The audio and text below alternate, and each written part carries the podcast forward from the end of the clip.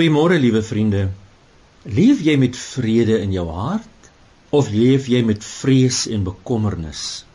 Daar is baie dinge aan die gebeur in die wêreld wat rede tot kommer wek. Byvoorbeeld die ekonomie, die politiek, die morele afval, diefstal, misdaadsgeweld, ongeregtigheid ensovoorts ensovoorts ensovoorts.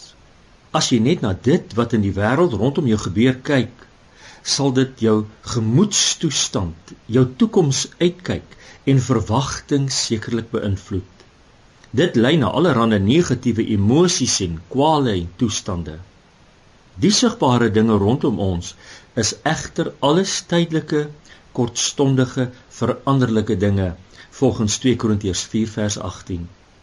Wanneer ons egter in geloof kyk na wat God in gees openbaar, na wat hy vir ons in Christus reeds gewerk en voorberei het, word ons bewus van wie hy is, van sy grootheid, van sy mag en heerlikheid.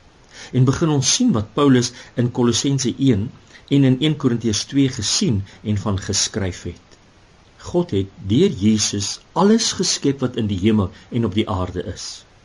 Alles wat gesien kan word en alles wat nie gesien kan word nie. Alles is deur hom en vir hom geskep. Voor alles was hy al daar. En deur hom bly alles in stand. En deur hom het God alles met homself versoen. Daar is egter in die onsigbare werklikheid groter realiteite, blywende, onveranderlike, ewige werklikhede wat aan die gebeur is en wat God ten volle in beheer van is waarvan hy ons in Christus deel van gemaak het. En hoe meer ons daarvan bewus word en in geloof na kyk, hoe meer verdwyn alle vrese en bekommernisse en hoe groter word die vrede wat ons harte beheer. Hy is ons vrede. Kyk na hom en die dinge rondom jou sal 'n heel ander perspektief kry en jou omstandighede sal verseker begin verander.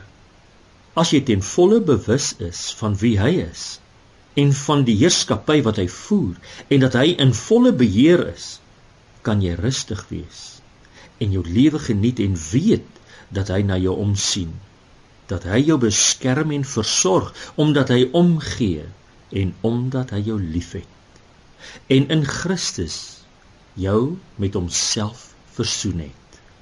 Laat sy vrede en liefde dus vandag jou oorweldig.